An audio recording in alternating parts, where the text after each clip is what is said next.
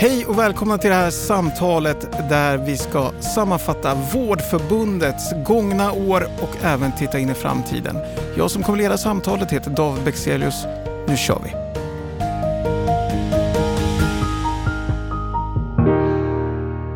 Varmt välkommen säger jag till det här samtalet. Ett samtal där vi ska försöka sammanfatta vad, vad som har hänt för Vårdförbundet under det förra året och vad som händer det nuvarande året och som man siktar på i framtiden. Eh, det här samtalet eh, gör vi för andra gången och vad är det man säger? En gång är ingen gång, två gånger är en tradition, eller hur Sineva Ribeiro, ordförande i Vårdförbundet? Ja, absolut. Jag tänker att det ska bli jättespännande att få ta det här samtalet i ett år som verkligen har varit annorlunda för alla, ja. inte bara för dem i hälso och sjukvården. Nej.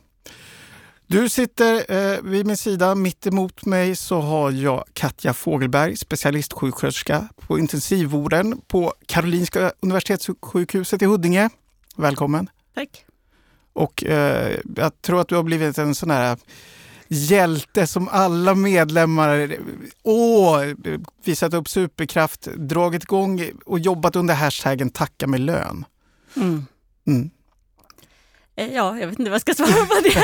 det var mest att jag ville berömma dig och säga att även jag har ju hört eh, om det här initiativet. att eh, när, det här drabbade oss förra året och mm. man såg att folk började ställa sig på på balkonger och applådera sjukvården vid något visst klockslag. Så kom det sen också egentligen, ja, fast tacka med lön och då hade jag precis haft samtalet med, med, med Seneva och Nadja då förra året och just prata om lönen, hur viktigt det är lön och arbetsförutsättningar fungerar för alla ja. er i vården. Det är, alltså även om inte lönen är allt så är den ändå ett kvitto på hur värdefulla vi är. För det, när inte lönen finns där så flyr folk från uh, utbildad personal, flyr vidare till, till någon som kan betala en lön som man också kan leva på och som känns att den värdesätter det man, det man gör.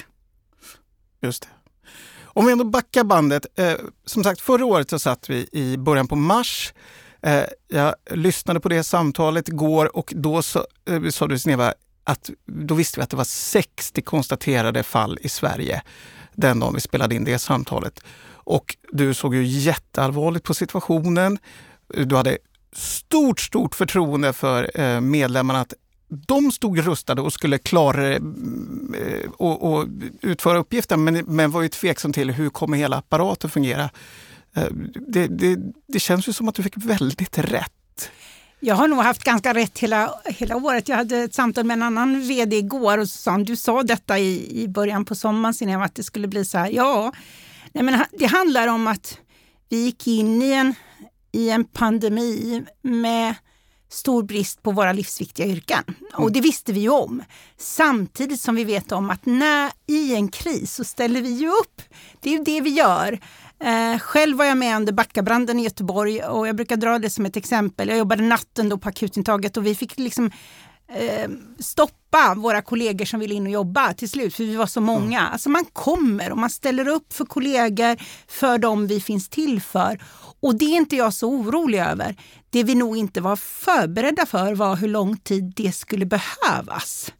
Alltså hur länge orkar man i längden att vara på toppen liksom hela tiden?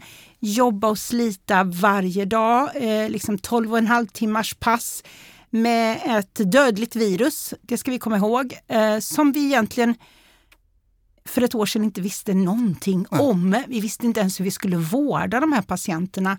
Och, och um, Tyvärr så tror jag att eh, sammansvetsningen på arbetsplatserna blir ju otroligt starka. Vi blir ju sådär så att vi ställer upp för varandra till 190 procent. Men jag tror att när vi väl får den där lilla återhämtningen och vilan, det är då vi kommer att komma tillbaka till vad var det vi gjorde egentligen. För det går bara i ett, liksom. det rullar på och vi gör det vi ska. Eh, det vi ser nu, som jag tycker är viktigt, det handlar om att prio ett var att rädda liv. Eh, så vi ser ju vårdskador som innebär att vi har inte kunnat ge den omvårdnad som vi är vana vid att ge och som är vår kompetensområde. Det vill säga vi ser trycksår, vi ser munvård som inte är okej okay, och vi ser att vi inte hunnit med våra arbetsuppgifter utan det var vi räddar liv. Mm. Så att jag tror att alla gör, gör det man ska och man ifrågasätter inte. Och jag tänker, man har inte hört, inte ens hört sina kollegor. Tänk att jobba med mask liksom. Eh, 90 masken och höra dåligt och inte veta alltid vem det är som är bakom den där masken. Utan eh, vi har nästan över 40 procent av våra medlemmar har blivit flyttad på.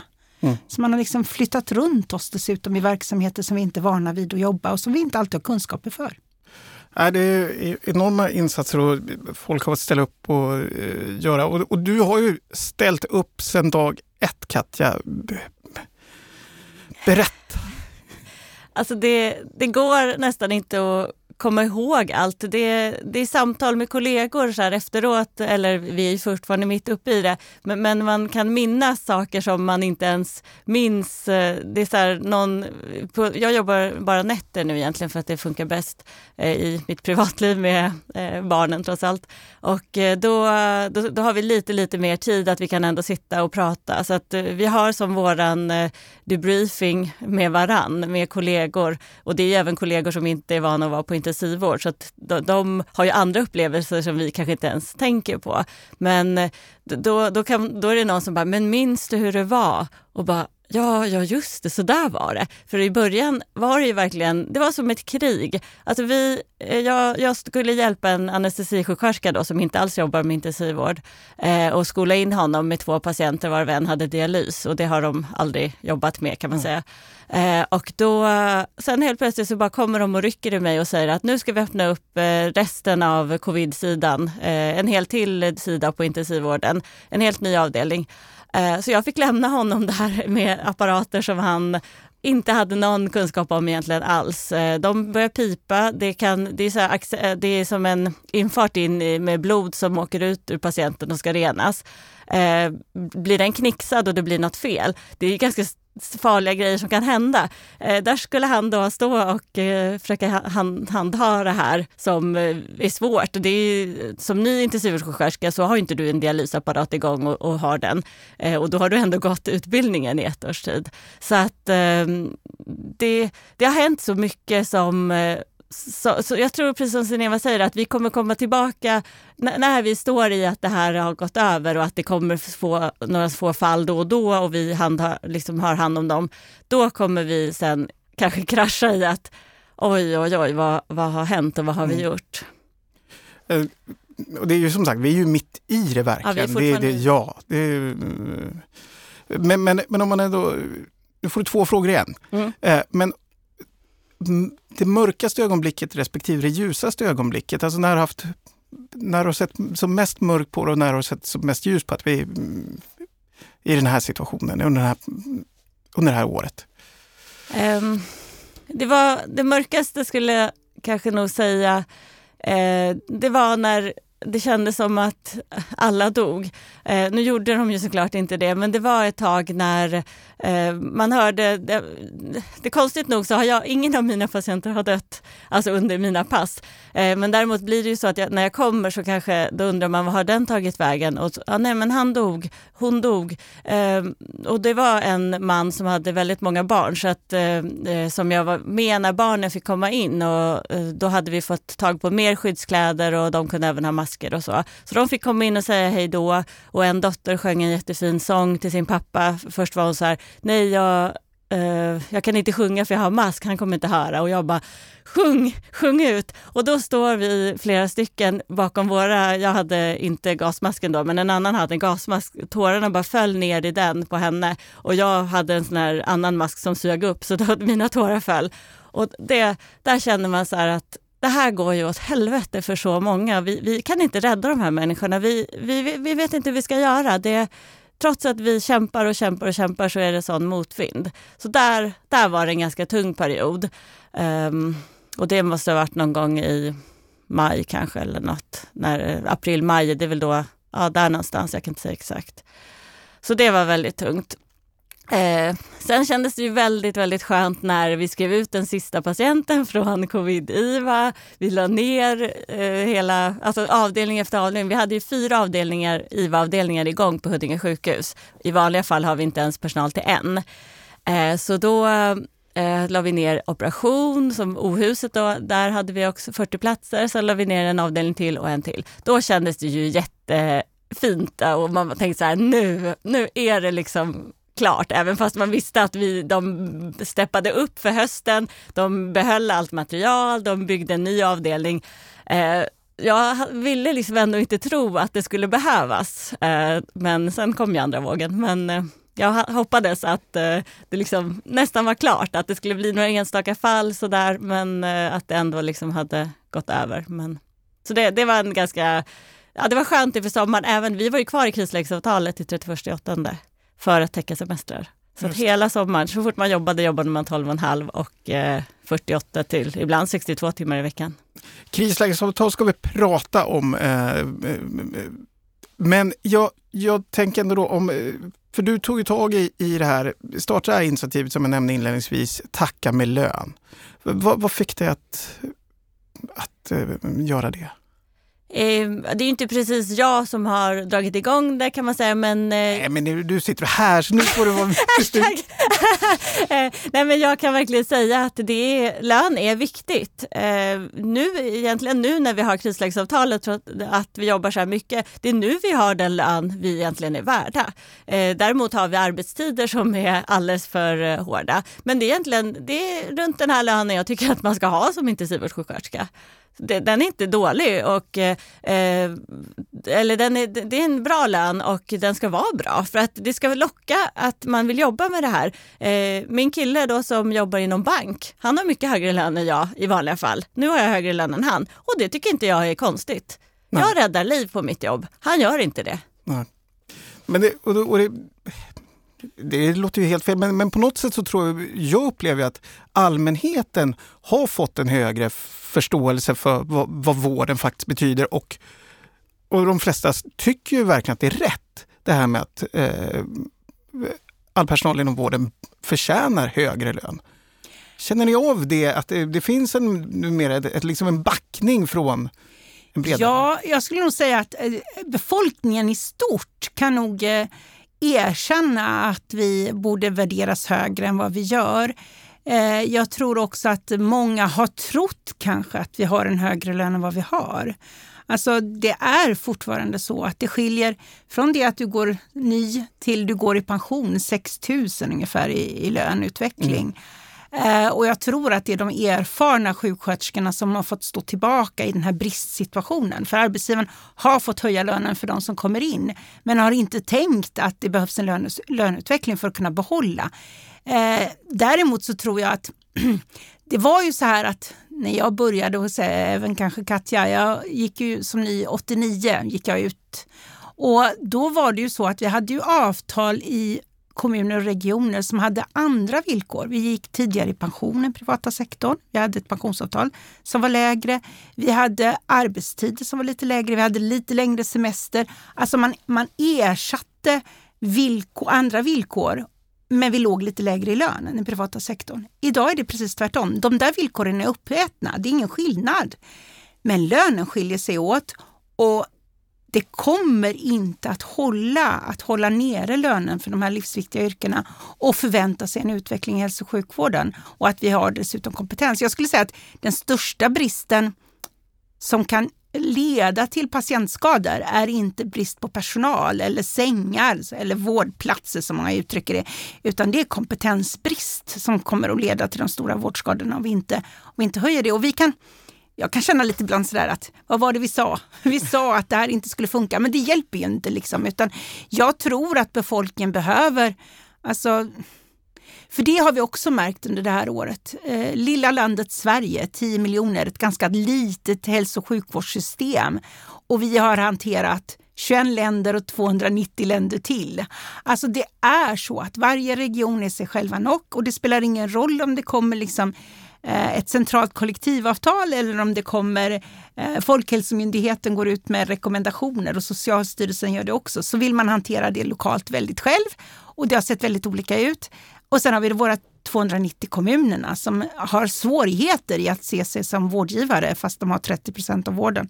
Inte minst äldrevården som faktiskt drabbades jättehårt i den här pandemin. Så att jag tänker att nej, de måste ta ett stort större samhällsansvar för att faktiskt befolkningen ska få en hälso och sjukvård som bygger på en högre kompetens. För det, det är det, ska vi ligga i framkant i Sverige som många säger att de vill att vi ska göra så måste man kunna behålla sådana som mm. Katja. Det, du kan inte låta bli att inte ha eh, personer som är specialistutbildade med lång kompetens.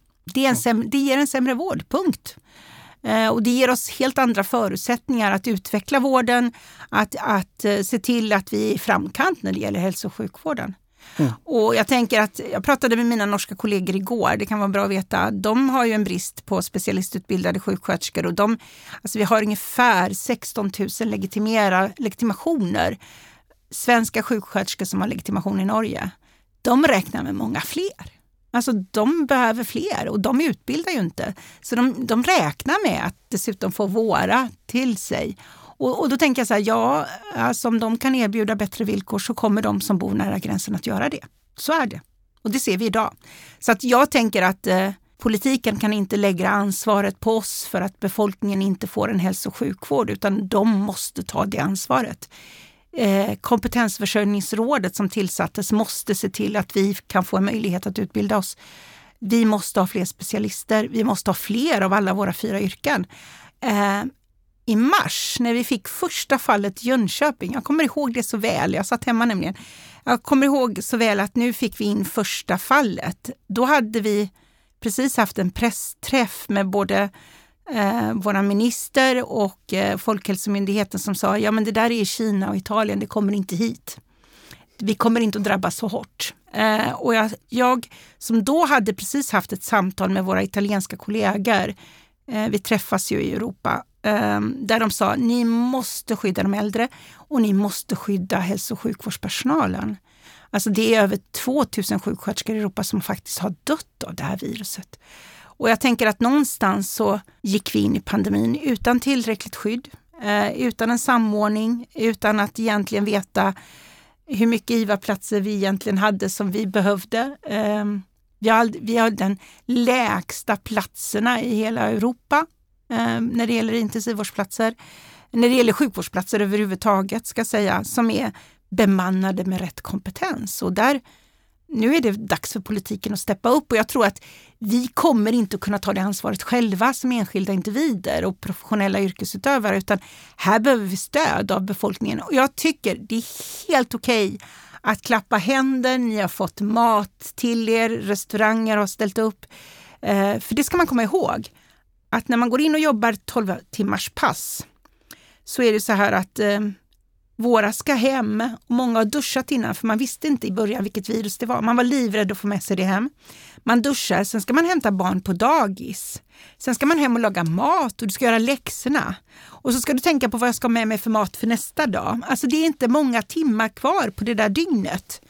Eh, och det tror jag inte heller folk riktigt har insett att våra som lever i det här, um, i det här, i det här schemaläggningen som var där i början som egentligen inte var riktigt klok för man fick ju inte återhämtning, vila. Um, du ska leva det normala livet. Du ska ju gå hem och vara normal som alla andra. Och det enda man pratar om i samhället är pandemin och covid-19 och det här viruset som är dödligt. Liksom. Och så är vi mitt i det mm. hela tiden. Så att du får inte den där återhämtningen och vila. Och det var ju tydligt. Men, men jag tänker att ja, vi fick, vi fick stort stöd hos befolkningen. Men det räcker liksom inte. Mm. Utan det gäller att se till att, att den här pandemin visar på, och det är någon sån här bild av, tror vi verkligen att det här är sista pandemin? Nej, det Nej. tror ju inte jag. Eh, är det över? Nej, det är som Katja säger, vi är mitt i den. Och vi ser, jag ser ju nu när jag pratade med kollegor igår att Ja, Italien, Frankrike, Portugal, de är ju mitt inne. Liksom. Portugal gick ner i år. Eh, för någon månad sedan så lyckades de få ner den tredje vågen. Eh, och så fanns det någon sån där bild av att ju högre smittspridning, ju fler som hade haft sjukdomen, desto färre vårdfall skulle vi få. Och det är inte heller sant. Utan det har ju aldrig varit så tufft som i andra vågen, i tredje vågen. Och nu går det inte ens ner, utan nu, är vi, nu vi ligger i den där platån med ganska många sjuka på plats.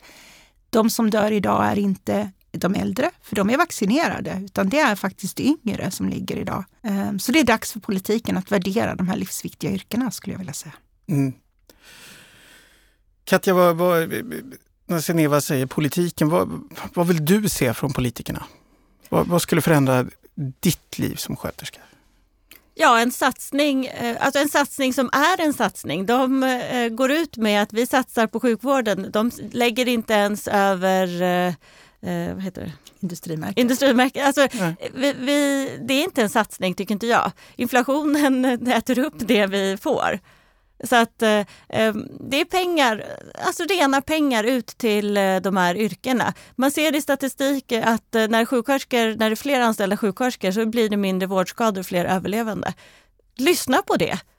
Tro inte att, eh, att, det, ska, att det ska funka utan det, det som händer när vi inte har tillräckligt med personer på plats, det är att vi sliter ut oss.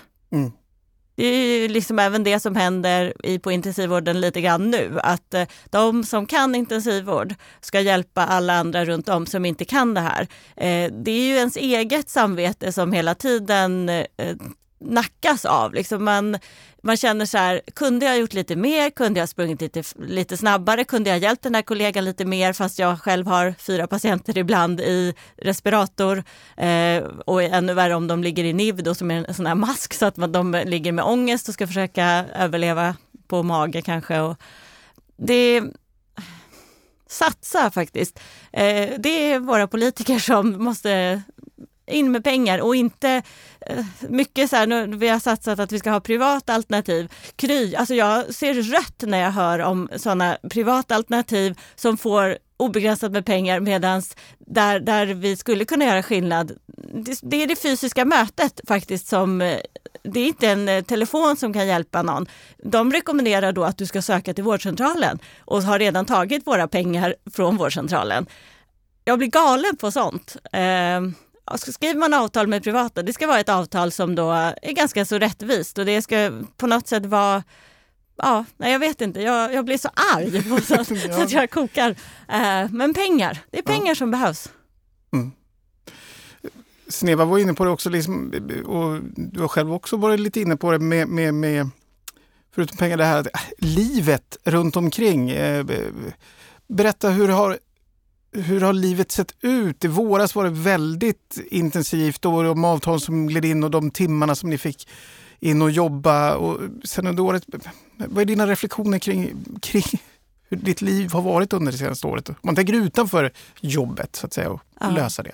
Eh, ja, det är som Sineva säger att man ska hämta på dagis. Man, om man jobbar dag så kan du inte hämta på dagis ens. Du slutar 19, nej 19.30 slutar du. Eh, du går och byter om, många duschar. Eh, du är hemma 20 och 30, eh, då har kanske dina barn redan nattats av förhoppningsvis någon annan där hemma. Eh, jag är ensamstående, eh, därför har jag valt att jobba natt så att de äldre syskonen hjälper mig med tioåringen. Då kan jag alltid hämta på fritids, jag kan laga middag om jag orkar det. En gång så hade, ringde min dotter, då stod jag i hissen. Då frågade hon så här, har vi ätit middag? Eh, nej, det har vi inte. Jag hade bara gått upp, hämtat sonen och sen hade jag liksom glömt att, eh, ja, eller jag bara kom på att jag måste åka till jobbet. Så att, ja, då fick ju de laga middag själv då till, till sig och sin bror. Eh, alltså livet är på någon sorts paus. Eh, man, eh, man gör alltså bara verkligen, jag försöker hålla mig flytande. Eh, jag åker bil till jobbet för det mesta då för att undvika kommunalt.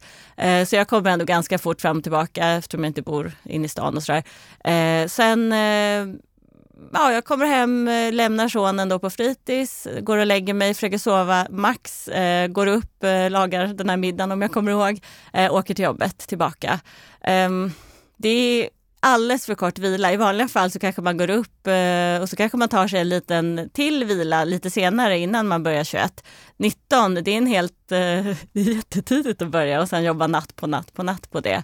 Vissa har jobbat fyra sådana pass i rad eh, och ibland fem, sex har jag hört talas om som värst. Jag har gjort fyra i rad som värst och det Alltså man är inte människa, man, man minns, alltså man märker, man känner sig som nästan så lite hjärndöd.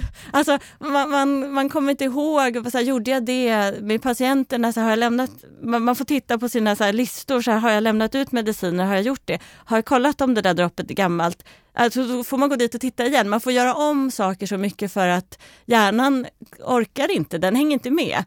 Eh, och då blir det någon liten grej som att, att det är lite tyngre med någon patient eller att det är något som händer. Då måste man steppa upp ännu lite till som intensivvårdssjuksköterska. Man har egentligen inte den reserven som man har i vanliga fall. Så att eh, Nej, det, det, är tungt. Det är faktiskt väldigt, väldigt tungt. Och sen de här dagarna när man ska försöka vila. Eh, ett tag nu i höstas så fick vi i alla fall, det var när vi, innan vi gick in i krislägesavtalet igen, då hade vi 12,5 timmars, men att vi hade färre timmar i veckan. Då hade man kanske ibland tre dagar Först, dag, första dagen sover man såklart då, men ja, som två, dagar, två hela dagar ledigt emellan man orkade inte göra något. Jag orkar nästan inte göra något. Jag går ut, försöker komma ut i solen på dagarna. Ehm, men annars, nej, man är ganska så slut i fysiskt och psykiskt. Mm. De här krislägesavtalen då som har aktiverats i flera regioner och i olika tillfällen och de, de har förändrats. Berätta lite vad, vad... Jag kan säga så här, alltså, vi var ju det förbund som sist skrev på de där de där jäkla krislägesavtalen. Nej men alltså någonstans så var det ju så här att efter branden i Västmanland så såg man, då fick egentligen SKR en påtryckning från regeringen om att vi behöver se till att vi kan hantera en kris i Sverige. Vi hade ju aldrig gjort det innan den där branden och vi fick ju hjälp av resten av brandmän från Europa som åkte upp hit. Och um, när vi satt i de där förhandlingarna så var det så tydligt att vi gick in i vi, vi, skulle in i det här krislägesavtalet med en brist på våra yrken, alla fyra ska jag säga. Eh, vi såg att det fanns för lite tid för vila och återhämtning. Eh, man skrev in 48 timmars veckor. Eh, det var inte spikat utan det var ju upp till varje arbetsgivare att hantera lokalt. Och första året sa vi ju nej. Förbundet var det enda förbundet som sa nej. Alla andra skrev på både Kommunal och Läkarförbundet och vi sa faktiskt nej. Och sen så var de på oss igen att det kan komma, nu kommer sommaren och det kan bli en kris och det kan börja brinna. Ja, ni vet allt det här. Eh, och vi, vi valde ju då efter mycket om och men i förhandling kring framförallt lönen som höjdes rätt rejält eh, för kollegorna att skriva under. Och vi hade ganska långa diskussioner om att nu är det väl dags att se till att använda det här avtalet klokt. Jag vill verkligen säga det Katja säger, att jobba i skift så som vi gör just nu. Jag brukar säga det att vi har inte sett vidden av den psykiska ohälsan men också Alltså, man blir fysiskt sjuk av att jobba natt. Det vet vi. Alltså bröstcancer i Danmark, har du jobbat mer än tio år natt så är, är det godkänt som arbetsskada till exempel. För att det har med hormoner att göra i kroppen som i vanliga fall när du vilar ser till att du mår bra och de bildas. Det görs det inte när du liksom är igång. Så att eh, jag kan bara säga, jag har själv jobbat natt i sex år på ett stort akutsjukhus i Göteborg. Och efter sex år sa min man att går du inte över på dagen nu så, så kommer det här inte att hålla. Du städar på nätterna. Alltså, man vänder på hela dygnet och man försöker ändå vila och sova.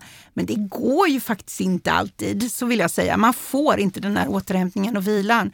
Och, och vi skrev på det där avtalet och då tänkte jag så här att när det, när det kom till slutet på mars när, när fallen började komma in och vi såg att Stockholm drabbades väldigt hårt. Det var ju det första regionen som drabbades och det hade ju att göra med skidåkningen i Italien. kan vi säga. Det är jättetydligt. Eh, Schweiz, Italien, det var där vi fick in det ifrån. Och då kände vi så här att eh, medlemmarna var redan uppe i att jobba. Alltså man hade redan som arbetsgivare, vilket man har idag, man har ju arbetsledningsrätten, vilket gör att man kan ändra arbetstider. Man kan se till att du jobbar mer. Mm, vi såg till att vi såg att man gjorde redan 12,5 timmars pass, men man fick inte betalt för det. Man var inne i mer än 40 timmars veckor och man fick inte betalt för det, utan det var ju vanlig övertid. Eh, övertiden ökade jättemycket och då kände vi när vi diskuterade med Stockholmsavdelningen att här behöver ni kräva ett krislägesavtal. Vi har skrivit på ett avtal i en kris. I den värsta krisen i hälso och sjukvården i Sverige i modern tid så har man knappt använt det här krislägesavtalet. Och då blir min fråga, ska vi ha det då? Alltså ett, ett avtal som ingen vill följa, det ska vi ju inte ha. Utan det handlar om att vara kloka i det. Och jag kan säga, vi hade inte klarat pandemin. Vi hade inte klarat alla de här patienterna utan det. Alltså hade inte Katja och hennes kollegor ställt upp och jobbat så här så hade vi, det hade liksom inte gått. De här patienterna hade vi inte klarat, för vi hade inte tillräckligt med kompetens. Och då handlar det liksom om att att som en klok arbetsgivare faktiskt använda avtalet och ändå se till att du har en arbetsmiljölagstiftning. Du har en arbetstidslagstiftning. Vi har kollektivavtal. De måste ändå följas trots att vi har ett krislägesavtal. Och det såg vi ju inte, utan jag tyckte att Stockholm faktiskt slet ut sin personal första vågen rejält och vi såg det för, för när andra vågen kom så var det ingen som ville ha det här avtalet och då var pengarna ingenting värda. Alltså man får, man får mer än dubbelt, nästan trippellön blir det. Ja, nästan. Ja, dubbel i alla fall. Dubbellön i alla fall. Eh, och då, då tänker man så här att Ehm, med all övertid och allting så låg man runt 100 i lön, 100 000 eh, i månaden. Och sen går ju mer än lite i skatt, så är det ju. Men, men jag tänker att någonstans så, så när vi räknade ut det så kände vi att medlemmarna vill inte ens gå på det. Alltså man vill inte ha det för man fick inte återhämtning och vila. Vi har regioner som jag tycker har använt kompetensen. Vi skulle kunna sätta liksom bock på varenda grej i krislägesavtalet men medlemmarna har inte fått betalt för det. Ehm, så det i sig skapade ju en oro. Idag är det ju fem regioner som har krislägesavtalet igång. Ehm, och vi ser att, att eh, vi sitter just nu och utvärderar det här avtalet och jag tänker att du kan liksom inte lägga all den arbetstid i de här liksom människonära yrkena. Det, det håller inte. Det, vi kommer inte hålla i längden om vi skulle jobba, fortsätta jobba så. Samtidigt som jag ser att jag har kollegor som gör det. De, de sliter rejält och det tar rejält på hälsan. Och vi, har inte, alltså vi kommer inte att se den ohälsan förrän liksom en bit efteråt, tror jag. Eh, och jag brukar säga det att den här generationen, jag jobbade bara natt i sex år. Då jobbade jag tio nätter, eh, vilket såg schemana ut då på den tiden på 90-talet. Eh, ungefär, vi har ungefär jobbat i tre skift. Alla anställs idag dag, kväll, natt och så går du ett, liksom ett skiftande. Och det är inte som ett skift på det är inte som ett skift i industrin där du jobbar måndag till fredag, utan här är det dygnet runt, året runt, alla dagarna. Det är ungefär 15 år har vi hållit på så de ohälsotalen bland de här unga som liksom kommer in i de här, de kommer vi att få se konsekvenserna av om några år tror jag. Eh, så att min uppmaning egentligen till arbetsgivaren nu när vi sitter i, utvärderingen är att det håller inte att inte man får den, den liksom vila och återhämtning i avtalet vi kommer att behöva ha ett avtal som kanske är för brandmän som åker iväg två veckor och som bor på hotell och får liksom saker serverat och som kan jobba de där åtta timmarna, släcka bränder i åtta timmar och sen vila. Mm. Eh, och så kanske vi behöver ett annat avtal för vården som ser annorlunda ut än den vi har idag. Eh, och jag tror ju att utifrån att vi har haft regioner som inte heller vill ha det här avtalet så måste vi ju titta på avtalet. Jag tror det är jätteviktigt. Det håller inte helt enkelt Nej. för en kris i vården. Håller du med Katja?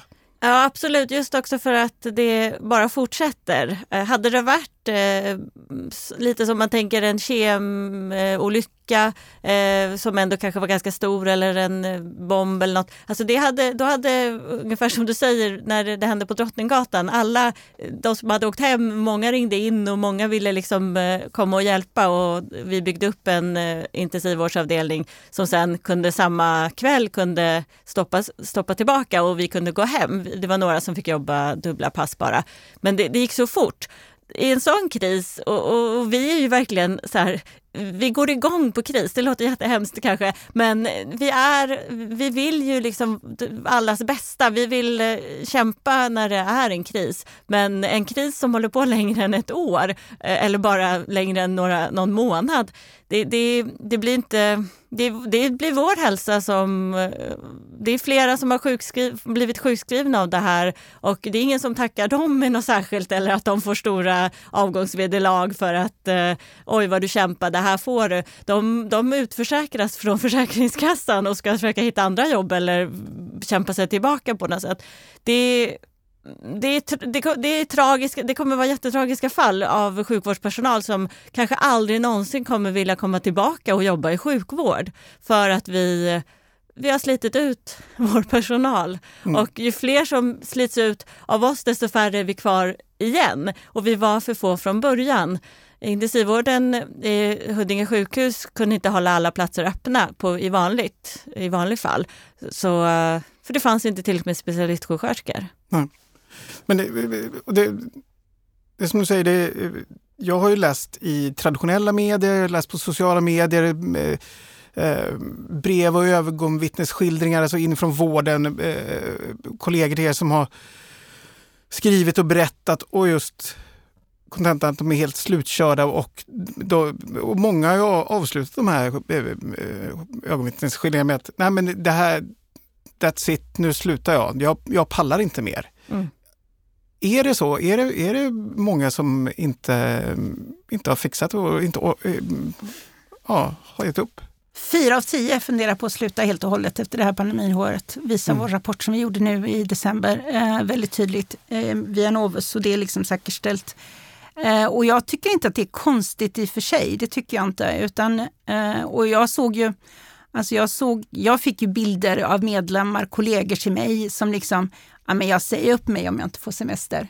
Jag tar fyra veckors ledigt genom att säga upp mig och sen kommer jag tillbaka. Då har jag i alla fall fått vila och återhämtning.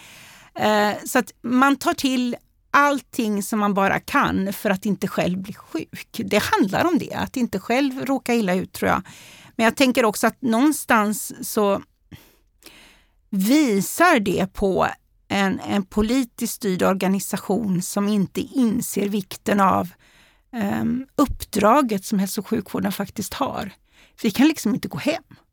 Om Katja är på väg till hissen jag har själv varit med om det. Om du är på väg till hissen och chefen, det ringer någon till chefen och säger att jag kommer inte ikväll. Då är det Katja som är kvar, för det finns liksom inga fler och då får hon göra 24 timmar istället för 12.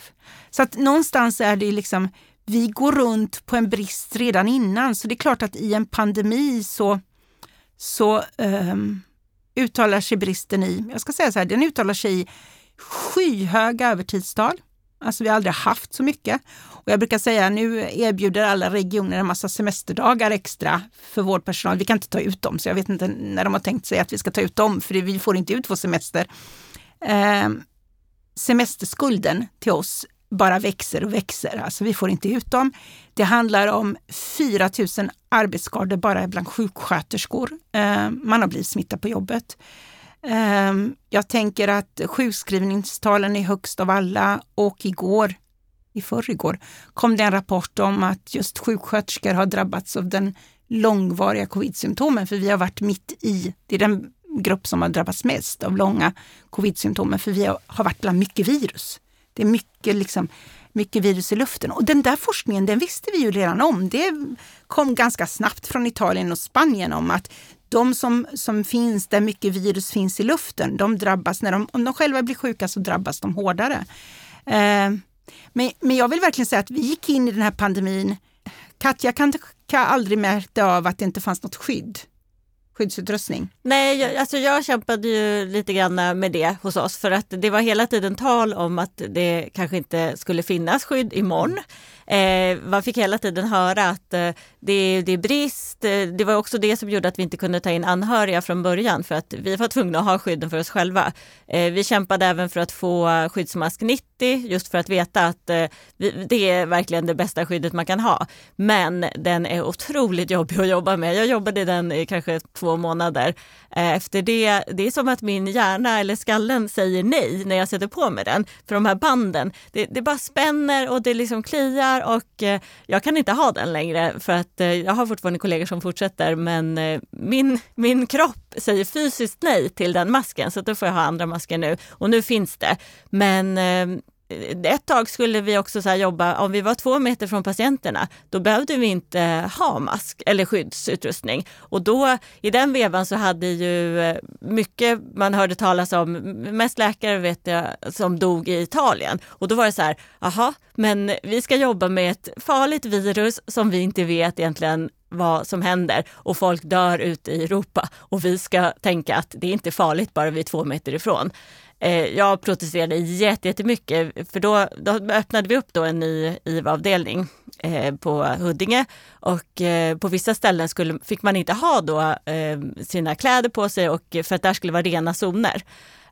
och eh, sen satt jag med vårdhygien ehm, eh, då, lite senare en eftermiddag. Jag hade nästlat mig in på ett möte, för jag var facklig just då. Eh, och så sa jag så här, och då satt en kvinna så här, mm, liksom satt och pratade från vårdhygien och så rörde hon sig flera gånger i ansiktet. Jag satt och tittade med flit hur hon liksom petade sig i ansiktet. Och hon bara, det är ju bara att man inte så här, man ska inte röra sig i ansiktet och så. Och så sa jag till henne så här, du har ju sju gånger nu petat dig i ansiktet. Och så ser man hur hon rycker till. Hon hon bara, ja fast eh, jag har ju spritat mig. Ja, fast du sitter på en stol som är inne på en IVA-avdelning där vi har covid. Och då såg man verkligen hur hon ändå så reagerade. Hon jobbade ju inte i, mitt i det här. Vi, det kändes inte säkert överhuvudtaget för oss att gå in eh, på ett ställe och sen veta att i den här luften ganska nära oss så här har vi covid-19 som mm, vi inte vet riktigt någonting om. Um, så att då då blev det så att även på den avdelningen och alla de andra som vi öppnade upp att vi skulle ha skydd överallt där vi, när vi gick in. Vi hade som slussar och så gick man in på avdelningen och då klär man på sig och har skydd och där inne tar man inte av sig. Eh, det, det, och då, då kändes det så här, okej okay, nu har vi vunnit.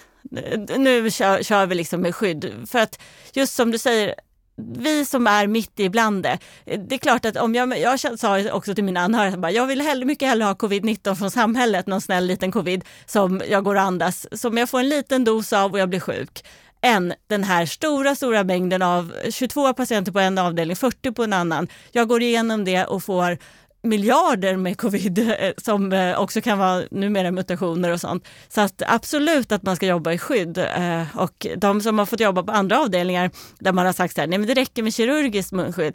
Alltså jag skulle, då skulle jag banne mig ha gått och köpt en egen mask. Eller mm. vägrat att jobba faktiskt. Mm. Och det ska man liksom vara medveten om att man satte oss och mina kollegor i frontlinjen utan tillräckligt skydd. Vi blev sjuka vi har mm. väldigt, alltså sjuktalen har ju ökat. Vi har eh, letat, jag ska säga att jag pratade, ett minne jag har är att i, i oktober, precis innan den andra vågen kom, så höll vi på med diskussioner kring utförsäkring kring 180 dagar med minister Shekarabi och vi såg att vi hade en hel del medlemmar, 80 stycken, som var på väg att bli utförsäkrade. Och då hade jag media på mig, kan du inte plocka fram någon sjuksköterska Sineva? Och jag fick en kollega i Västra Götaland som jag ringde och pratade med. Jag kan säga efter en minut, alltså de, de, hon var så sjuk så efter en minut kom hon inte ihåg varför jag hade ringt henne. Jag kunde inte prata ett sammanhängande samtal.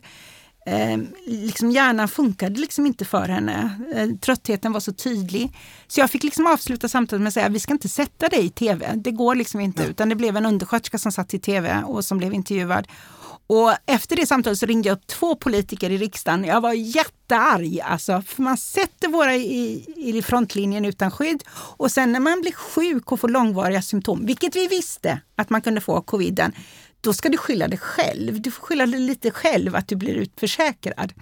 Och, och jag kan fortfarande, den, det är ju en fråga som jag har stridit för hela tiden och, och nu är det 360 dagars regeln som då inte gick igenom och som vi inte fick igenom. Eh, så nu utförsäkrar vi ännu fler utav våra som liksom ska söka något fiktivt arbete. Vad det är för arbete vet jag inte vad det skulle kunna vara. Politikerjobb.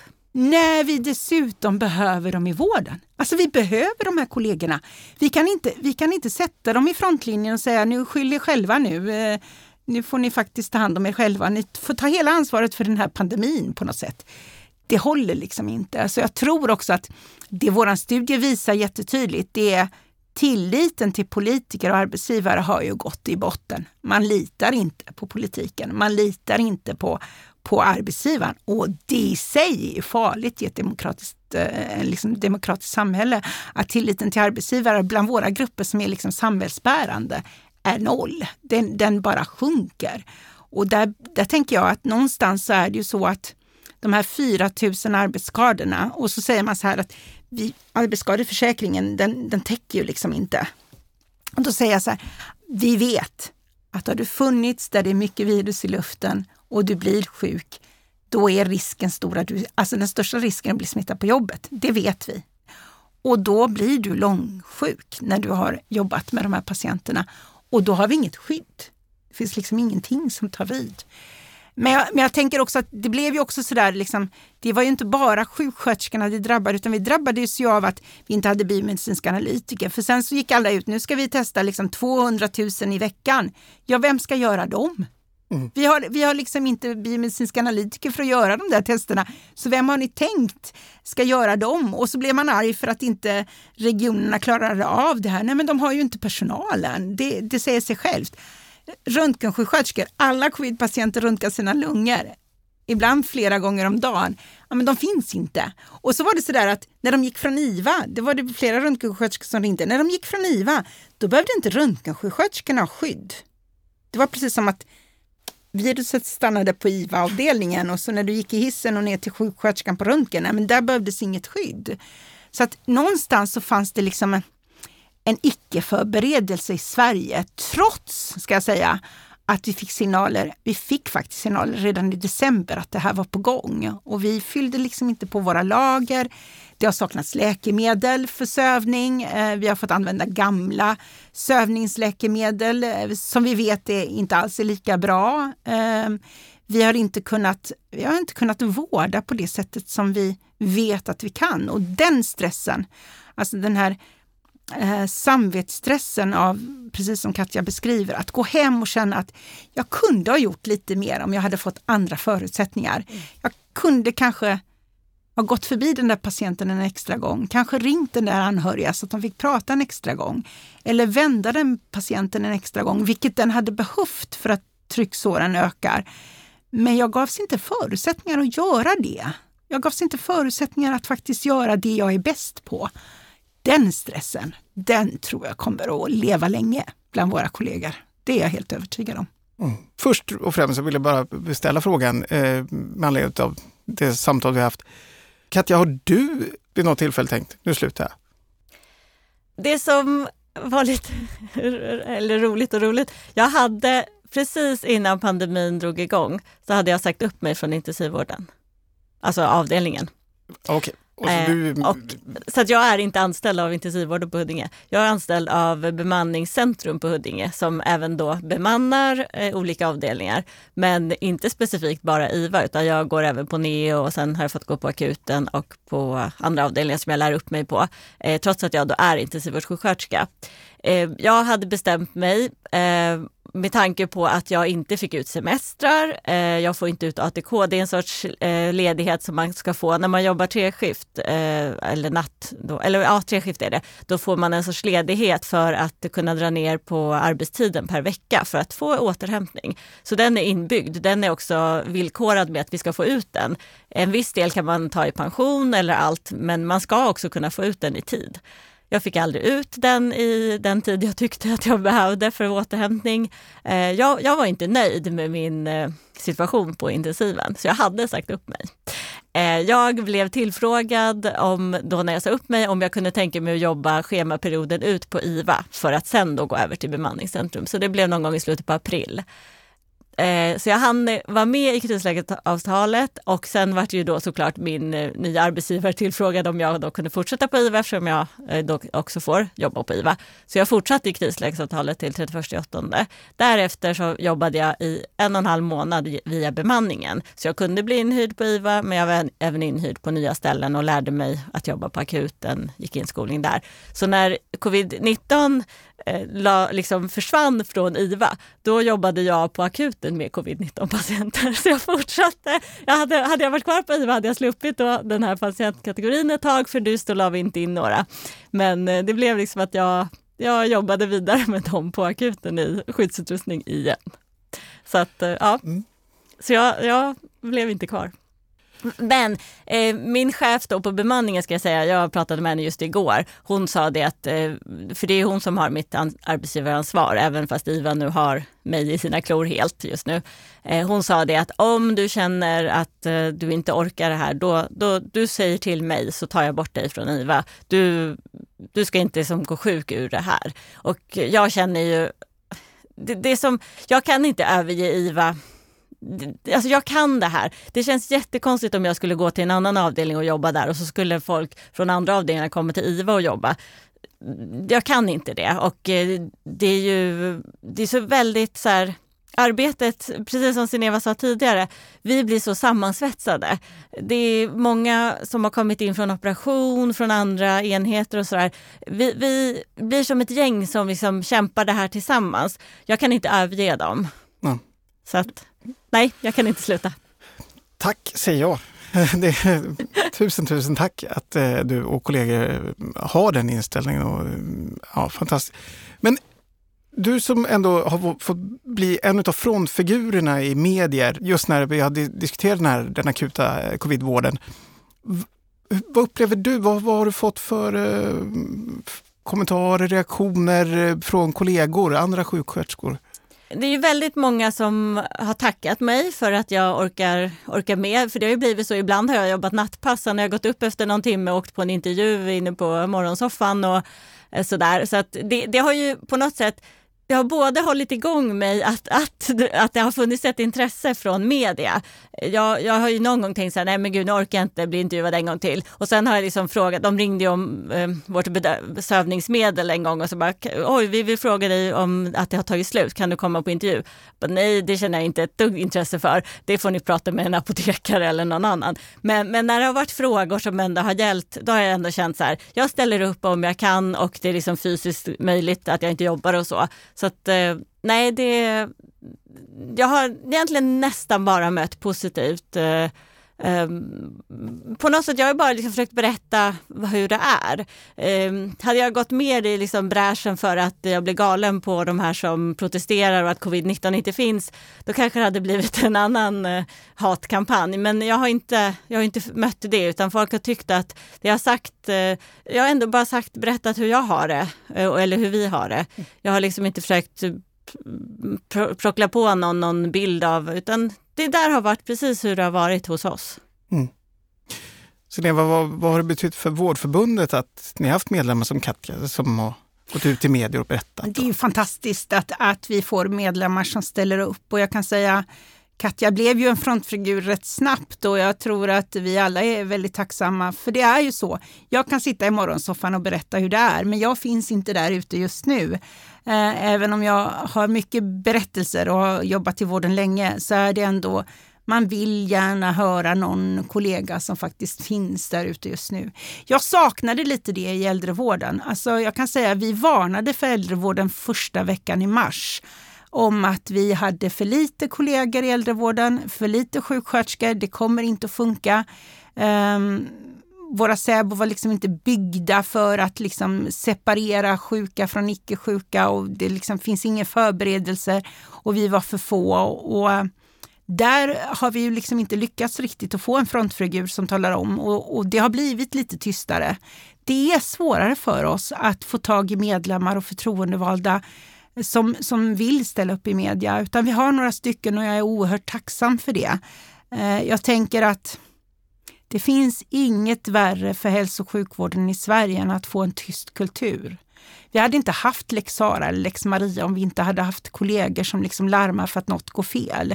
Eller att patientsäkerheten är, är hotad. Så att någonstans så är det ett måste för att också utveckla och, och ehm, sätta, sätta fokuset där det faktiskt är viktigast att sätta fokus just nu. Så det tycker jag eh, tackar jag verkligen Katja för och jag kände idag när jag skulle hit att jag måste hit. Jag måste få träffa henne in real life och jag har inte haft möjligheten att göra det och jag tänker att um, det finns, alltså man, man har gjort ett fantastiskt jobb. Uh, tyvärr lyckades vi inte i äldrevården och mm. det kan sätta lite sådär Alltså vi varnade och vi samlade till ett möte med SKR andra veckan i mars där jag liksom sa hallå hallå äldrevården, hur gör vi med den? Eh, för det första hade de ingen skyddsutrustning, för det andra var det för få sjuksköterskor och vi ska komma ihåg att Idag är det ju så, man kan tycka att intensiven är ju jättehögspecialiserat och det är det ju. Jag kommer själv från en bransch som är högspecialiserad. Men de som idag hamnar på SÄBO, alltså i ett äldreboende, för det första får du ingen plats där om du inte är jättesjuk. Så är det. Och för det andra så får du ett dödligt virussjukdom som heter covid-19 och där vi inte hade en förberedelse alls för det. Så att eh, ibland så säger folk, men eh, är du inte förvånad över siffrorna? Nej, för vi var inte förberedda. Vi var inte förberedda. Och däremot så ser vi ju där vi har äldreboende där det fanns sjuksköterskor, som i ledande ställning kunde liksom sätta fram en strategi för att klara liksom, att separera och vårda. Där har man ju inte haft de dödsfallen. Som, så vi har några goda exempel där vi vet att sjuksköterskor har spelat roll. Och jag tänker även, även det här med testning och att man liksom försöker ändå få en kohortvård. Att de som är sjuka ska inte möta de som är friska. Och de är ju inte friska någon av dem för de är väldigt sjuka, annars får du inte en plats.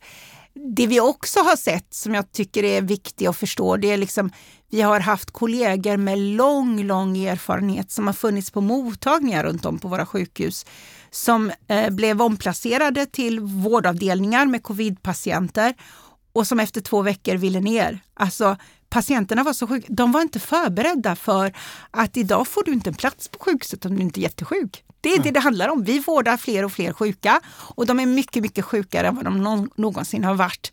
Det kräver i sig en kunskap. Så att, eh, jag har full förståelse för, för det, men jag är lite orolig för den här tysta kulturen som liksom drabbar. Ni har fått mycket uppmärksamhet ändå. Det har blivit mycket prat just genom att folk har gått ut och berättat. Det, allmänheten har fått höra, politiker har fått höra, frågan om de har lyssnat kanske, men alla de här berättelserna och skildringarna från vården. Hur ska Vårdförbundet ta tillvara den här synligheten och uppmärksamheten som du, Katja och andra eh, har bidragit med? Alltså, det, eller att folk förstår att vi är så viktiga och att man förstår även att vad, vad man röstar på spelar faktiskt roll. Eh, jag kan inte säga att, vilket parti man ska rösta på, men man måste verkligen tänka att nu har vi haft eh, i Region Stockholm ett eh, sätt som inte jag tycker har fungerat något bra och det beror faktiskt på politi politikerna. Vi måste liksom sätta, dem, sätta åt dem och att, att de också får ta lite ansvar för att nu har ni hört, haft den här politiken och den fungerar inte. Då måste ni tänka om, vilket parti det än är. Det, det, vi måste satsas på. Mm. Och jag tänker att, att vi har väl aldrig varit i media så mycket. Till slut så Eh, jag har ju skött allt hemifrån utifrån min dotter som är hjärtsjuk och, och jag kan säga att till slut behövde jag inte tala om min adress utan eh, både SVT och TV4 visste var den låg. Och vi har tagit massor med intervjuer eh, i trädgården. Och, och, jag har nog aldrig haft, alltså jag har nog aldrig jobbat så mycket, även om jag inte har jobbat i vården som jag har gjort. Alltså jag har ju haft kollegor till mig som har hört av sig klockan 11 på kvällen via ett mejl. Och jag som finns i vården vet att nu har de kanske sin första kaffepaus på avdelningen och nu kom det en fråga. Jag har svarat då. Och så blir de jätteförvånade. Gud Sineva, det var inte meningen du skulle svara. Nej men jag vet ju situationen är och jag tänker att någonstans där så är det så viktigt att vi lever i ett politiskt demokratiskt samhälle. Och tyvärr så har ju Sverige inte varit ett land i, i den här pandemin utan vi har fått hantera hur många arbetsgivare som helst. Och jag tror att man behöver börja fundera på vad behöver vara lika? Eh, vad, vad är det? Ja, men skyddsutrustning. Ja, det är klart att vi måste som Sverige ha skyddsutrustning.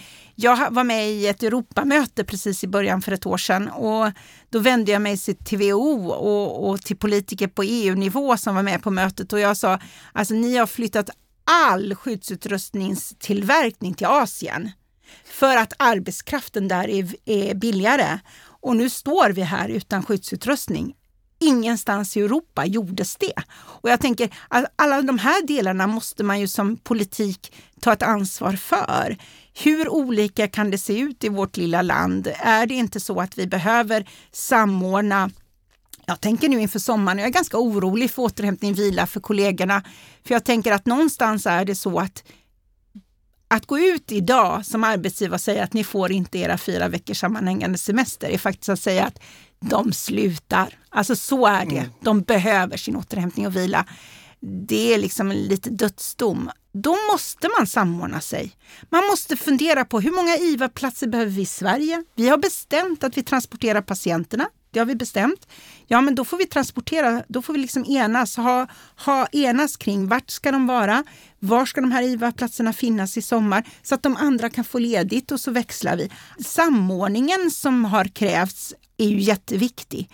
Eh, läkemedel lika så. Jag tänker att vad är universitetssjukhusens roll kontra mindre sjukhus? Så kan vi ha all kompetens överallt? Det tror jag inte vi kommer att kunna ha. Det finns inte tillräckligt. Liksom kan då sjukvårdssverige vara 21 regioner, 290 kommuner? Det är en sån där fråga. Är det bättre att ha en statlig vård? Nej, det vet jag, det vet jag inte. Vi kommer väldigt långt bort från, från de som bestämmer om, om det blir statlig vård. Men en viss statlig reglering behövs. Vi måste kunna tillverka skyddsutrustning i Sverige om det finns ett behov för det. Vi måste kunna se till att vi har läkemedel så vi klarar oss. Vi måste kunna kompetensförsörja med de här livsviktiga yrkena. Så jag tycker att den dialogen, den är vi inne i och efterfrågade i. Och, och det är ju de medlemmar och förtroendevalda som har ställt upp som också har visat på att det här håller inte, så här kan vi inte hålla på. Så att jag är otroligt tacksam för det, verkligen. Men det handlar också om att precis som jag sa i början, politiken måste ta sitt samhällsansvar till att faktiskt Sveriges befolkning får en hälso och sjukvård som är god och säker. Det mm. handlar om det. Vilka är de viktigaste erfarenheterna för dig Katja och dina kollegor som ni har tagit med er från det här lokala fackliga samverkansarbetet under pandemin och som du tror att ni kommer att ha nytta av framåt? Oj, vad svårt. Eh, vi har ju haft så informationsmöten och eh, för, för, det som man märker hos oss, eller på Huddinge, det är att information är egentligen det viktigaste. Det är många, många medlemmar eh, som man pratar med i fikarummet som säger så här, jag skulle kunna jobba i krislägesavtalet om, vi, om bara informationen var tydligare. Som det är nu så är det att det, det, får bara pågå i två veckor, sen ska det tas nya beslut. Det blir så korta, det blir en väldigt kort tid att ställa om sig, även om man får inte göra så himla mycket på fritiden eller något sånt. Men man kanske ändå har något schema med barnen eller vad som helst, att man behöver ha lite framförhållning. Det, det man känner är att man, man hinner inte man får inte den informationen som man riktigt behöver. Så information är egentligen det största, största, största som man skulle behöva. Um, ja. Jag jag tänker så här, alltså vi ska komma ihåg att vi har varit samhällsbärande grupper som inte har kunnat samla medlemmar egentligen. Mm. Alltså vi har inte kunnat vara ute i arbetsplatserna. Jag hade massor med arbetsplatsbesök som jag bara fick avboka. Eh, för vi behöver också ta ansvaret eh, och det tycker jag många av våra kollegor gör. Alltså vi har inte åkt kommunalt till jobbet utan man har behövt åka i egen bil och så finns det inte parkeringsplatser. Jag har kollegor som har liksom letat parkeringsplatser i en timme innan de liksom kan gå in och jobba. Och, och, och alla de där delarna som liksom inte var förberedda, där är ett arbetsgivaransvar. Men jag tänker att någonstans så är det ju så att vi, vi tar fortfarande, vi är mitt inne i, i, i den här pandemikrisen. Den är absolut inte över och vi tar ett jättestort ansvar och, och trots att stödet kanske är väldigt litet, vi har ökat i medlemsantal det här ja, året. Det är rekordmånga. Ja, det är över 1200 medlemmar mer. Alltså trots att vi inte har kunnat ha medlemsmöten. Eh, så det innebär ju att när Katja syns i, i media så har det påverkat de som inte är medlemmar. Eh, och jag tror också att i en kris så samlar man sig. Så att jag känner ändå att vi kom medlemmarna på arbetsplatserna mycket mer nära där vi har förtroendevalda och där man kan få lyssna och ställa de där frågorna som ah, det handlar om här hos oss. Hur gör vi nu på bästa sätt? Så att jag tänker att i en kris så, så vi samlar oss. Det är mm. så vi gör. Trots alla restriktioner och trots att vi liksom som, som organisation har varit jättetydliga att vi behöver ta ett ansvar. Vi kan inte samla medlemmarna. Vi har inte haft ett enda medlemsmöte som är fysiskt. Liksom. Utan vi har verkligen gjort en IT-baserat år för alla medlemsmöten. Eh, förutom om man finns på arbetsplatsen. Så det, det, har också visat, det har också visat medlemmarna hur viktigt det är att faktiskt välja en förtroendevald på arbetsplatsen som ändå finns som en kollega av oss och som kan få information och som kan delge information. Men också att samlas kring en fråga, vilket ni gjorde på Karolinska när det gäller krislägesavtalet tycker jag. Mm. Alltså, man samlade sig och man, man började fundera på vad är positivt med det här avtalet, vad är negativt, vad behövs till för att vi ska orka? Och det kunde vi förmedla till arbetsgivaren nu i den utvärderingen vi gör. Så att jag känner ändå att vi har, vi, vi har varit efterfrågade och man vill veta vad vi tycker och tänker i frågor som vi inte innan har gjort. Jag vet att jag påverkade första, första steget var ju signaler som jag fick att det satt, alltså om man väljer bort regioner och kommuner så är det många av våra kollegor som hamnar i bemanningsföretag. Och jag fick liksom, vi, ni har permitterade sjuksköterskor som intensivvårdssjuksköterskor som är hemma.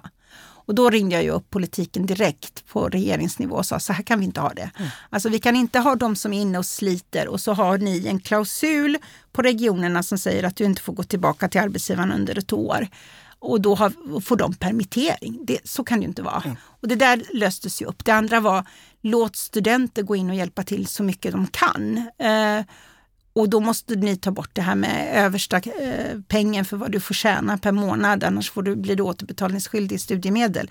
Och det tog vi också bort. Så att, och karensen 180 dagar, det var ett fackligt, verkligen kämpaglöd. Jag slet med det ända in i det sista. Och när vi fick beskedet så var det sådär, jippi, det går. Och, och, och det är väl det jag tycker medlemmarna sett, att det går faktiskt att påverkas om vi mm. enas. Eh, och det har varit viktigt det här året tror jag.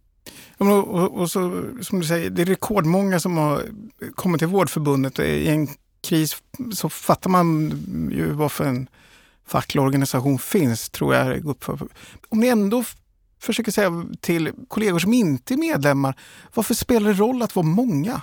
Ja men många kan ju påverka. Alltså hos oss har ju den fackliga, nu är inte jag, eftersom jag inte är kvar på IVA anställd, där vi har ju en annan facklig då, hon kämpar ju, hon går ju upp i förtid, går in på Zoom-möten. Alltså hon är ju eh, så otroligt, eh, sån otrolig kämpe. Alltså det, jag, jag är verkligen jätteglad att, att det är hon som är den fackliga där. Och bara liksom att hon, hon är så beläst, hon eh, hon kan stångas, alltså det gör hon ju hela tiden med eh, arbetsgivarna där, för de förstår inte krislägesavtalet, de överutnyttjar, eh, de, har trott hela tiden att Oj, men vi måste jobba så här och så här. Och så går hon in och så här, men läs på, ni, ni vi måste inte göra så här, utan det är en möjlighet för er att, att alla jobbar 48 timmar, men det är inte att man måste det. Men de, de trodde liksom i första vågen att alla måste jobba 48 timmar, för annars går det inte. Så bara, nej, fast så är det ju inte. Eh, läs avtalet, men de, det, Alltså, bara av att hon är där och är en sån kämpe så eh, tror jag att de som inte är med ändå ser det. Så hon kämpar ju även för dem på något sätt. Och det, det, det, är lite det som jag tänker så här, när du inte är med, du, du får ju alla, jag tycker den kampanjen är ganska bra, det här att oj, men ta bort din semester då. Du kanske inte ska ha alla de här förmånerna du faktiskt har för att facket har kämpat för oss. Ta bort dem då om du nu ska, då får du kämpa för dem själv. Och det, det, kommer ju inte bli så. Men, eh, och det är klart att alla ska väl ha samma förmåner. Men, men jag tycker så här, man glider lite på en räkmacka när man inte är med. Man kan klaga, men vi är facket. Då får du väl gå och engagera dig själv då. Kajsa då på mitt jobb, hon är helt slut. Liksom. Hon, eh, hon får verkligen stångas eh, för att, och även just det här att behöva gå upp, mötena är ju dagtid, hon jobbar natt. Mm. Det, Ja. Men jag tänker att ensam är inte stark Nej. i ett sånt läge och det är vi väl aldrig. Men jag tänker också att tillsammans så har vi ju visat att om vi blir många så kan vi påverka och vi får förändringar som, som ändå innebär en förbättring direkt på arbetsplatsen och det tror jag har lett till att fler också ser att i krisen, jag brukar alltid säga att tror ni att arbetsgivaren betalar mer bara för att de måste? Mm. Alltså ta bort de där, ja men de kommer ju aldrig ge oss alla de semesterdagarna om de inte måste. Helst hade de velat att vi inte, att vi var den enda gruppen i hela Sverige, den, den enda professionen som inte behöver fyra veckors sammanhängande semester. Alla andra behöver det men inte vi.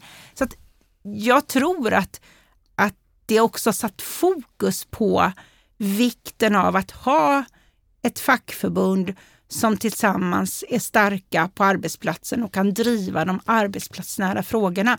Och det har varit tydligt i pandemin och det bygger på att det spelar ingen roll vad jag centralt kommer överens om, för det ska göras där ute och då måste man vara med och påverka där. För vi har hanterat som sagt 21 arbetsgivare, regioner som är jättestora och som gör som de vill. Och Du sa innan vi satte igång den här bandningen att ni är inne i jätte jättemånga tvister just nu. Vilka, om, du, om, du, om du räknar upp, vilka är det, de viktigaste? är fel uttryck, men, men Alltså, vilka, vill, vilka vill du nämna? Som du... Vi har aldrig haft så mycket tvister och vi har tvister som är liksom ett år tillbaka. Det gäller semester och arbetstider. Det är de, de största tvisterna vi har. Vi har några som gäller förflyttningar alltså, och det handlar om att vi har skolsköterskor som har fått gå upp i äldrevården och vi har eh, personal som sägs inte kunna jobba i den vården som de har blivit flyttade till trots att arbetsgivaren bestämmer sig för det. Eh, och någonstans så, så innebär tvisterna visar ju på en arbetsgivare som inte har mött upp skulle jag vilja säga. Alltså som inte har följt de kollektivavtal och de eh, delarna. Och det är lite så i en kris. Jag är lite orolig för att arbetsgivaren har om vi har en ram som är de, våra kollektivavtal så har de gått utanför kollektivavtalet lite här och lite där. De har liksom vunnit mark under krisen. Det var lite det jag trodde krislägesavtalet skulle gå in och göra. Alltså, jag förväntade mig att när vi var i en kris, den största krisen i modern tid, så skulle krislägesavtalet gått in och det det är inte bara IVA som har drabbats utan det är väldigt många verksamheter. Och vi skulle kunna, sen när krisen är över, gå tillbaka till det kollektivavtalet vi hade innan. Idag är det inte så. Vi går tillbaka till något där arbetsgivaren lite har suddat i kanterna och vunnit lite mark. Eh, och det kommer att krävas ganska mycket av oss att gå tillbaka och säga nej men ni kan inte lägga 12,5 timmars pass hur som helst.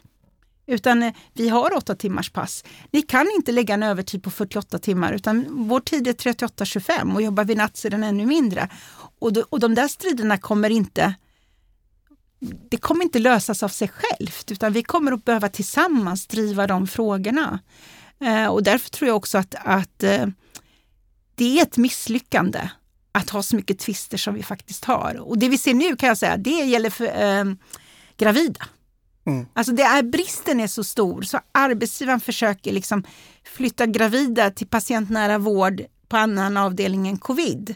Det är bara det att vi kan ju aldrig säkra om att den patienten inte har covid. Och då kommer det här med riskerna när du är gravid i 20 veckan. Ja. Och då, då godkänner inte arbetsgivaren att de inte kan ordna en annan arbetsplats och då får inte den graviditetsersättning från Försäkringskassan. Och då ökar risken för att jag föder för tidigt. Alltså det är inte bra för mamman och barnet. Men bristen gör ju att arbetsgivaren liksom inte följer de rekommendationerna som liksom Folkhälsomyndigheten och Socialstyrelsen då ställer, då följer vi inte den forskning och beprövning som vi vet vården ska bygga på och då gäller inte den våra medlemmar eller mina kollegor, vilket blir jättekonstigt för mig. Så alla de kommer vi att strida jättemycket för. Och det gäller inte bara sjuksköterskor, ta lärare till exempel som vi vet barn smittar ganska eh, mycket. Men, men det handlar om liksom att de har, de har inte följt det vi var överens om och det är ett misslyckande tycker jag. Och det ser vi i krisen. Vi ser i krisen att eh, vi behöver liksom gå tillbaka och um, samverkan behöver stödjas och vi behöver många fler förtroendevalda där ute nära arbetsplatsen för att liksom kunna driva samverkan tillsammans med arbetsgivaren. Skyddsombuden har gjort ett fantastiskt jobb under det här året. De har verkligen slitit för varenda kollega de har på arbetsplatsen. Och jag tror att vi hade sett mycket fler skador, mycket fler tvister, eh, mycket högre sjukskrivning om vi inte hade haft kollegor som Katja som liksom driver frågorna där ute. Mm. Vi har ju pratat väldigt mycket utifrån eh, pandemin och allt det som det har betytt för eh, medlemmar och för vården och för Vårdförbundet. Jag skulle gärna vilja prata i timmar till, men vi ska försöka ändå röra oss mot slutet. Och jag tänker det finns ju massvis med frågor, Sineva, som inte är relaterade till pandemin, som ni har drivit och nått framgångar och där ni fortfarande kämpar. Om du nämner några sådana frågor, om du jag tänker att, ge lite ljus på. Ja, jag tänker att Höken är en sån, vårt huvudavtal inom regioner och kommuner, men även i privata vårdgivare. Alltså vårt löneavtal blir viktigt. Eh, jag tycker att vi har ett löneavtal som ger politiken och arbetsgivaren möjligheter att att värdera de erfarna. Eh, och nu är det liksom dags för arbetsgivaren att visa det. Det är det här året vi har på oss. Vi ska utvärdera vårt stora avtal i år där vi har flest medlemmar och tyvärr så ser vi och får signaler om att man inte gör det. Det är lite som Katja säger. Vi har till och med regioner som har betalat långt eller som har lagt lönepengar långt under industrimärket. Det blir jättekonstigt i ett sånt här år. Så den, den behöver vi göra någonting åt. Det andra handlar om jag tror att arbetstiderna blir en stor fråga. Ehm, det blir en fråga som jag tror det handlar om om du ska orka ett helt yrkesliv. Så vi kommer att behöva titta på våra arbetstider. Vi behöver titta på jour och beredskap som man använt jättekonstigt under pandemin och sådär. Eh, arbetsmiljön och fler kollegor. Det handlar om kompetensförsörjning. Det är mm. de fyra frågorna som jag tror är de stora. om man tittar på vårdens frågor så är ju nära vård en fråga som är på agendan. Alltså, hur ska vi klara den nära vården utan våra, våra kompetenser? Det kommer inte att gå. Utan där tror jag att kommunen som stora vårdgivare måste fundera på eh, att öka eh, legitimerade yrken. Eh, för vi kommer att behöva vårda mycket mer nära eh, för att klara av sjukhusvården och specialistvården. Och då kan man inte skicka in de äldre för en katetersättning eller vad det nu kan vara, utan det måste finnas kompetens där ute. Så att eh, kompetensförsörjning blir en stor fråga för hela vården, tror jag. När vi pratade för ett år sedan så sa du att det är viktigt att fira segrar. Finns det några segrar ändå från året som du liksom ja. vill fira lite extra? Ja, det finns det. Vi firade till exempel eh, lönen i Kronoberg där eh, politiken bestämde sig för att faktiskt satsa enligt höken och där vi ser att erfarna har fått över 6 procent. Alltså, de ligger redan på de där 10 000 kronorna som vi sa på tre år. Ehm, eh, och vi har några sådana platser där vi behöver fira runt om i landet. Ehm, men jag tror också Alltså de små segrarna som handlar om att vi har blivit fler, att vi faktiskt påverkar i de frågorna som är viktiga. Eh, ta sjukskrivningarna som är viktiga, att inte utförsäkras är viktigt. Att vi faktiskt ser till att våra studenter får hjälpa till. Jag tänker vi har svårt med verksamhetsförlagd utbildning för vi har inte tillräckligt med erfarna kollegor som kan handleda dem. Eh, alla de där små frågorna i vardagen för medlemmarna. Jag brukar säga då behöver vi fira för, för det krävs också ett sånt här år. Liksom. Mm. Katja, vad här och nu skulle kunna göra ditt liv lite bättre? Att pandemin, att, sjuk, eh, att de som är sjuka, att det går ner. Eh, jag kommer ju inte överge intensivvården eh, bara, bara för att jag känner att jag håller på att ge upp. Men utan det är ju, vi är ju där för de patienter som kommer in och när de minskar så kan vi lägga ner, stänga avdelningen och då, då kommer livet ljusna. Så att eh, så länge det är en pandemi så kommer det det finns inte så mycket som kommer bli lättare. Det finns inte kollegor. Det, det är som de säger att det finns sängplatser. Vi tog respiratorer från museum förut i våras det finns platser men det finns inte personal och eh, är det inte kompetent personal som finns och tar hand om patienterna så överlever man inte. Det är bara att inse det. Det, det behövs de som kan den här specifika vården. Och det är både, ja, men som på Säbo också, det, det var någon kommun som jag läste om som hade anställt extra sjuksköterskor och de hade inte fått in eh, covid-19 alls överhuvudtaget. De, det är vår kompetens är jätteviktig och den eh, den, den, finns inte att tillgå. Det inte, finns inte bara sjuksköterskor, även om du höjde lönen. Nu är folk så trött på, inte trött på hög lön, men det, pengar är inte allt i det här läget. Att du kan inte få någon att vilja jobba så mycket bara för att oh, du får en hög lön. För det, du sliter ut dig själv. Så att uh, det Ja, har ja, 60 timmars veckor. Jag tror sådär, det finns nog inte många professioner i Sverige som skulle klara det i ett helt år. Eh, vilket ni många har gjort. Liksom. Det, mm. inte, det, handlar inte om 40 timmars vecka, det handlar inte om 48 timmars vecka utan övertidsberget är så stort och det är samma individer. Vi ska komma ihåg det. Det är inte, det är inte fler individer som tar de där extra passen utan det är samma individer. Det är många som har fått göra 24 timmars pass och då ska du ha hög koncentration hela tiden och det tjuter. Ja men det är det som är lite, jag vet att det gick ut någon egenföretagare och skrev Eh, i media då att vem jobbar inte 60 timmars veckor? Ja, fast du kan gå och kissa under din tid när du sitter, du kan ta med dig datorn in på toa. Jag kan inte gå och kissa på mitt arbetspass. I, I våras vi skämtade om att vi sätter kateter på varandra, vi får ha dropp för att kunna ha, få vätska. Vi kan inte dricka på vårt arbetspass. Jag kan inte ens klia mig i ögat, eh, ännu mindre eller när man har skyddsmask 90 kunde man verkligen inte det. Och gör man det så riskerar man att få en väldigt smittsam sjukdom. Um, det, det, går liksom inte, alla tjut, varenda tjut kan betyda att det är en patient som håller på att dö. Det kan bli stopp i en tub som går ner till lungorna.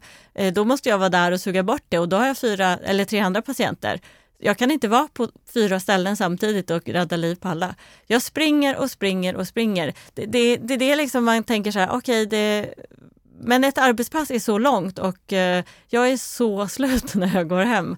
Och, och sen ska jag vara tillbaka där. Det är, det är kortare än ett, eh, då är jag tillbaka, alltså jag, måste, jag är hemma kanske åtta timmar. Mm. Ja, nio kanske och sen ska jag sova där och hitta lite tid för något barn. Och, ja. Mm. Ja, det, ja. ja, hörni, eh, jag tänker ändå så här. Vi är ju mitt i det eh, såklart, men eh, du sa förut, det här är ju inte den sista pandemin, eh, Sineva, utan om vi då ändå blickar så framåt nästa pandemi, vad måste göras annorlunda? Vad, vad är det som vi ska ta med oss från det vi har upplevt och lärt oss? Och... Jag tänker att vi från början ska ha mycket fler sjukvårdsplatser. Eh, så att, eh, för då, är det, då hade vi kanske redan haft de här platserna och personal för det. Då hade vi haft tid i eh, lite lugnare tid att vidareutbilda där vi får en ny apparat. Vi hinner inte få inskolning på den utan vi får egentligen i princip läsa själv i handboken och stå där och försöka tyda hur, hur ska jag koppla ihop det här det, alltså all sån tid. Vi tar hand om barn på intensivvården på Huddinge.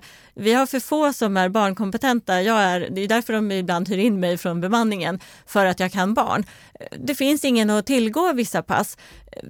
Vi hinner inte utbilda folk i det de, eller sjuksköterskor och även undersköterskor i det de ska vårda.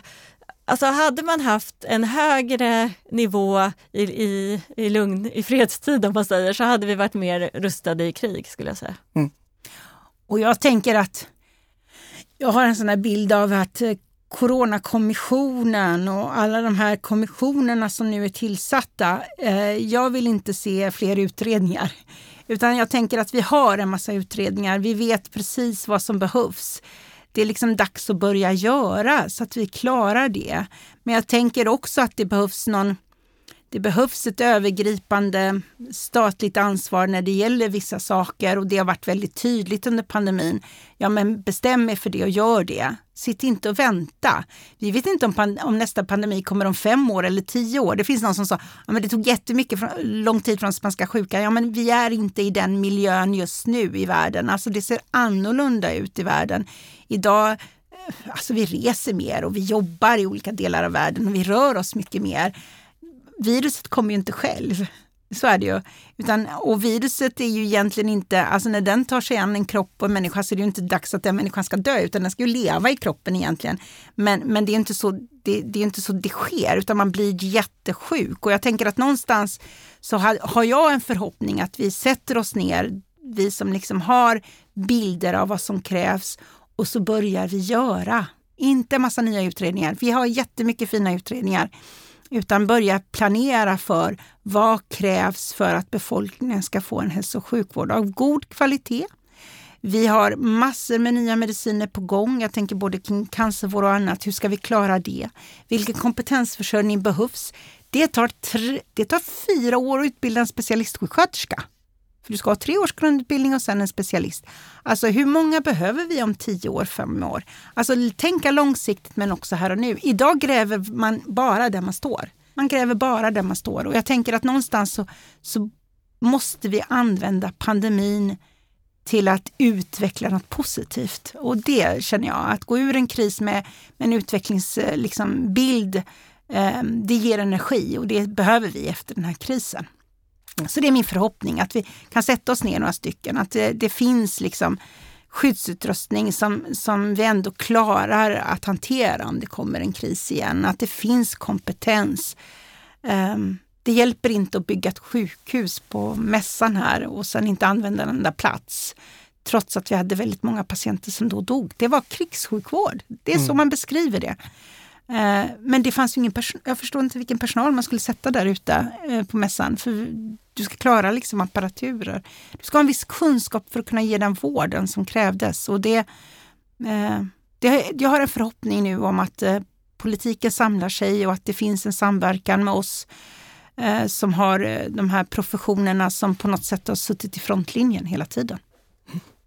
Och jag tänker att det är dags att vi börjar tacka för oss. Och jag Sneva, vi får väl tacka eh, ja. Katja och alla andra som Absolut. finns där och, och berättar mm. för oss och berättar för politiker hur man ska tacka er.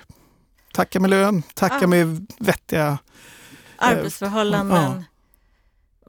Kollegor, kompetenta kollegor, det är det vi vill ha. Ja, verkligen. För att kunna ge en god och säker vård. Ja, mm. absolut. Och jag tackar för den här timmen. Superspännande och hemskt och allt. Men eh, ändå det finns hopp när man sitter med. Jag verkligen känner det. Jag vill i alla fall tacka er två för att jag fick möjligheten att sitta med er och eh, få höra och lyssna och önskar er all lycka till framåt. Tack!